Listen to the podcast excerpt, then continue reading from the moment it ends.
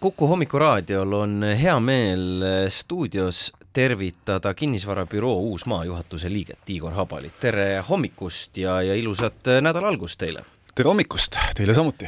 Eh, põhjus ja, ja uudis, mille pealt me täna oma juttu tahaks eh, nii-öelda veeretama hakata, on see, et nüüd saab sama raha eest rohkem võiks öelda, ehk et äh, kinnisvarahinnad on äh, ses mõttes piisavalt äh, või noh, natukene langustrendis ja, ja tundub, et, et, et inimestel võiks tekkida võimalus endale lähiajal ka võib-olla, et suuremat elupinda või uut elupinda või, või esimest elupinda osta, ähm, sest et, et, et teatud mõttes ka nii-öelda laenud muutuvad soodsamaks, on, on nii? Ja esimesest aprillist siis tõesti see niimoodi laenuvõimekus läheb paremaks, aga see, et inimestel on äh, soodsam osta, me ise ka täheldame samamoodi, et ähm, see aasta me näeme, et kinnisvarahinnad ei tohiks tõusta nominaalis, kuna meil on inflatsioon ja meil ka eelmine aasta oli inflatsioon, siis tegelikult reaalselt on, on kinnisvarahinnad juba languses olnud ja palgakasv see aasta oodatakse seitset protsenti. Ehk ka siis äh,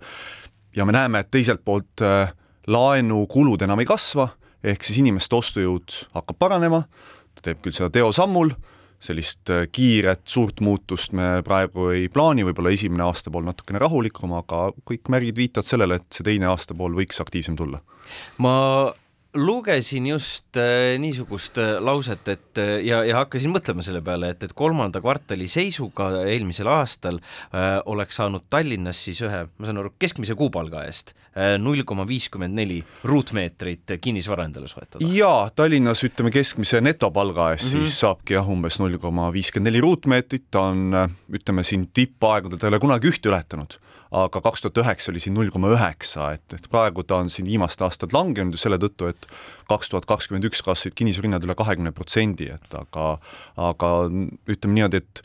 statistiliselt jällegi me peame vaatama, et on kinnisvarahindade küll kasvanud, aga statistika on kasvanud selle pealt, et uusarendustehinguid on olnud rohkem. Ja nüüd eelmise aasta detsembris ju tehti mediaanhinna rekord, kuigi tegelikult hinnad on pikalt paigal püsinud ja see rekord sündis selle tõttu, et lihtsalt need varem tehtud uusarenduskorterid nüüd jõudsid alles statistikasse läbi asjaõiguslepingute.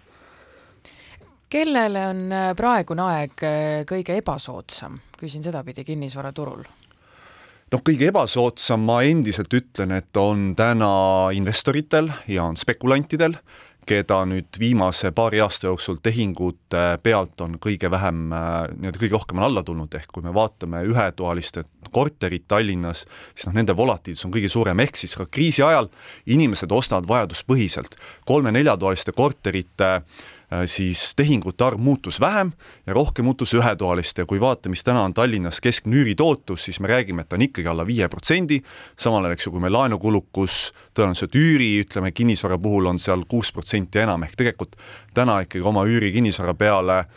noh, ikkagi enamik investoreid, ma kardan, et nüüd, kes viimase aasta on ostnud, maksavad peale.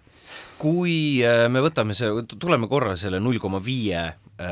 ruutmeetri juurde tagasi, et noh, see on ju omamoodi noh,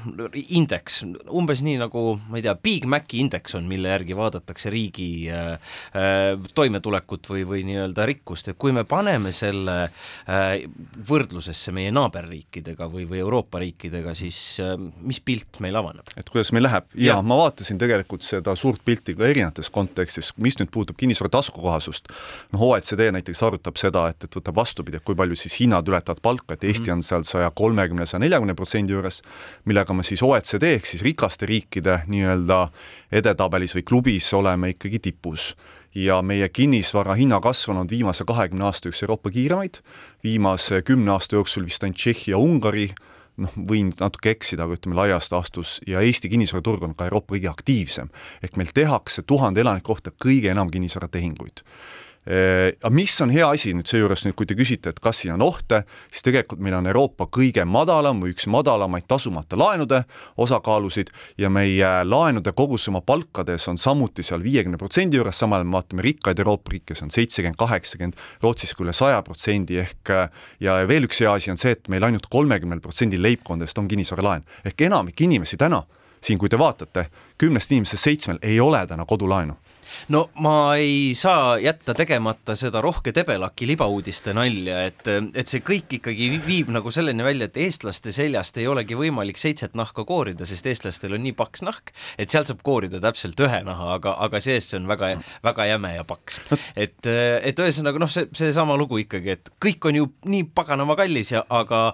hoolimata sellest on eestlased nii kohusetundlikud, et äh, võlgu ei jää. me oleme kohusetundlikud, teine asi on see, et me oleme ka kinnisvara usku, et meil omanikke on kuskil kaheksakümmend protsenti, kakskümmend protsenti siis elavad seal, mis ei ole nende põhiline elukoht ja meil on väga kõrge ikkagi kinnisvara aktiivsus, investeerimisaktiivsus olnud, et noh, paar aastat tagasi investeerimisfestivalil, eks ju, kõikjal oli kaks üürikorterit, noh, näpud taeva poole. ehk äh, täna jah, inimesed pigem siis vähem söövad väljas võib-olla ostavad kasutatud riideid, noh, autode statistika okei okay,, maksunüansid, eks ju, juures, aga, aga meil on väga kohustuslikud kinnisvaramaksjad, me oma nüüd kodu või ka investeerimiskodu noh, naljalt ei taha ära anda korraks uuesti üürikorterite ja, ja nende hindade juurde, üürikorteris elav inimene või noh, üürimajas elav inimene tahab kohe teada prognoosi, et et kas siis ikkagi jätkuvalt on need languses, need hinnad ja äkki tuleks ikkagi hakata siis uut kohta otsima ja, ja hoida silmad lahti, et mis, mis see selline lihtsustatult see prognoos siis on? no kas? lihtsustatult on niimoodi, et kui meil täna on talv, siis Eesti kinnisvaraturg on sesoonne. talvel ongi vähem kinnisvara pakkumisi, aga lihtsam on taskukohast kinnisvara leida. kevadel hakkab pakkumiste arv suurenema, aga aga ütleme, enda siis äh, sellise so soovitud tulemuseni jõuda on keerulisem just hinna mõttes. üürikorterite puhul on ähm, enam-vähem samamoodi, talvel on pakkumiste arv natukene väiksem ja hinnad tulevad alla, et praegu ma ütleks, et üüriturul on nagu kommipoes, et hinnad ei kasva, pakkumiste arv on suurenenud, miks pakkumiste arv on suurenenud, on see, et inimesed kas siis ei suuda müüa enda kinnisvara ja panevad üürile, on tulnud ka arendajad, kes pole oma siis uusarenduskorteritest lahti saanud ja panevad üüriturule ja, ja seetõttu on allahindlused kohati ikkagi päris suured ja, ja mis on ka hea asi üürituru puhul täna on see, et võib-olla kui ajalooliselt on üürida olnud kallim, kuu mõttes kulukam, siis täna ikkagi need laenuintressid on nii palju üles läinud, et ütleme, sama hea korteri üürida saab ütleme viiesaja, kuuesaja euro eest, aga ütleme, laenu maksad kaheksasada, üheksasada eurot no kinnisvaraturg on äh, pika vinnaga ja, ja noh, meil äh, jätkuvalt nagu räägitakse sellest, et, äh, et kas see nüüd seitsmes kvartal järjest on Eesti majandus languses olnud, et mi, kuidas see ähm, selles mõttes kinnisvaraturul paistab, et kui, kui kaua või kui pikalt või kas põhi on käes ja nii edasi, et teate mm. küll, need klassikalised küsimused, mida teilt ilmselt ikkagi päevas korduvalt küsitakse. jaa, kinnisvaraturul ma arvan, tehingute aktiivsuse mõttes on põhi käes, see tegelikult põhi saabus eelmise aasta talvel ja pärast seda on tehingute arv stabiilne olnud aga ta on ikkagi tipus kuskil kakskümmend protsenti madalam. ehk meil on selline olukord, mis meil ei ole kunagi varem olnud, kui meil kaks tuhat, eks ju, kaheksa toimus selline hästi tugev korraks selline viiekümne protsendine langus ja tehingute arv taastus alles kaks tuhat seitseteist, siis täna meil on selline vindumine, et me tiksume vaikselt, aga kakskümmend protsenti ütleme madalama aktiivsuse pealt ja hinnad, kui nüüd vaadata uusarendustes, järelturul on tulnud selline viis kuni kümme protsenti alla, no osad küsivad, noh, miks nii vähe on tulnud alla, aga ma ütlen, et selle üheks põhjuseks on see, et meil on tööjõud väga aktiivne olnud, meil on hõivatute arv on väga suur ja teiseks on see, et meil tegelikult oli väga kõrge inflatsioon ja selle kõrge inflatsiooni valguses hinnad ei kasvanud, see tähendab seda, et reaalselt tegelikult hinnalangus on olnud suurem, et kui näiteks Rootsis võib-olla mm. madalam inflatsioon, seal nii-öelda hinnalangus, noh, meil ikkagi laias laastus need asjad tasakaalustatud, kuigi noh, enda prognoos ütleb, et noh, natuke võiks see korrektsioon meil allapoole tulla, aga samas ma ei imesta, kui meil ka hindade mõttes on põhi käes meil on külas kinnisvarabüroo Uusmaa juhatuse liige Igor Habal ja lõpunoodina küsiksin ka selle kohta, et äh, Ukraina sõjapõgenikud, kui palju nad tooni täna üldse meie kinnisvaraturul enam annavad, kui üldse, et äh, siin ju sõja alguse ajal ikkagi oli,